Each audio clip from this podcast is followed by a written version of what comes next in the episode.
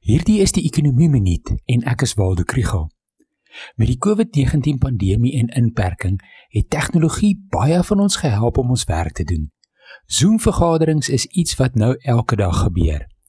Maar mense wat so van die huis af kan werk, is 'n klein deel van die werksmag. Die vraag wat ekonome vra, is wat is die impak op al die ander werkers?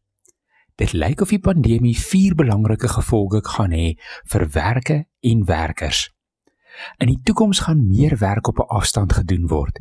Die persoon wat die werk doen, hoef nie meer te weet waar die werk gedoen word nie.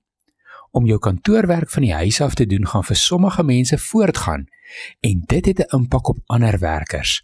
Skoonmakers, sekuriteitspersoneel, Uber-bestuurders, hotelle en restaurante se personeel het minder werk as ons die kantoor toe gaan en reis vir besigheid nie. Die tweede impak is in stedelike gebiede wat nou minder dig is. Nou dat jy al 4 maande by jou vakansiehuis aan die suidkus sit en werk, maak dit nie meer veel sin om terug te gaan Johannesburg toe nie. Maar dit beteken daar is 'n kleiner vraag na persoonlike dienste in die groot stede. Die derde impak is dat klein besighede swaar kry omdat hulle nie altyd die kapitaal of die likwiditeit het om vir maande lank hulle besigheid in te perk nie. So groot maatskappye het nou 'n groter deel van die mark ingeneem en groot maatskappye betaal 'n kleiner deel van hulle inkomste aan werkers.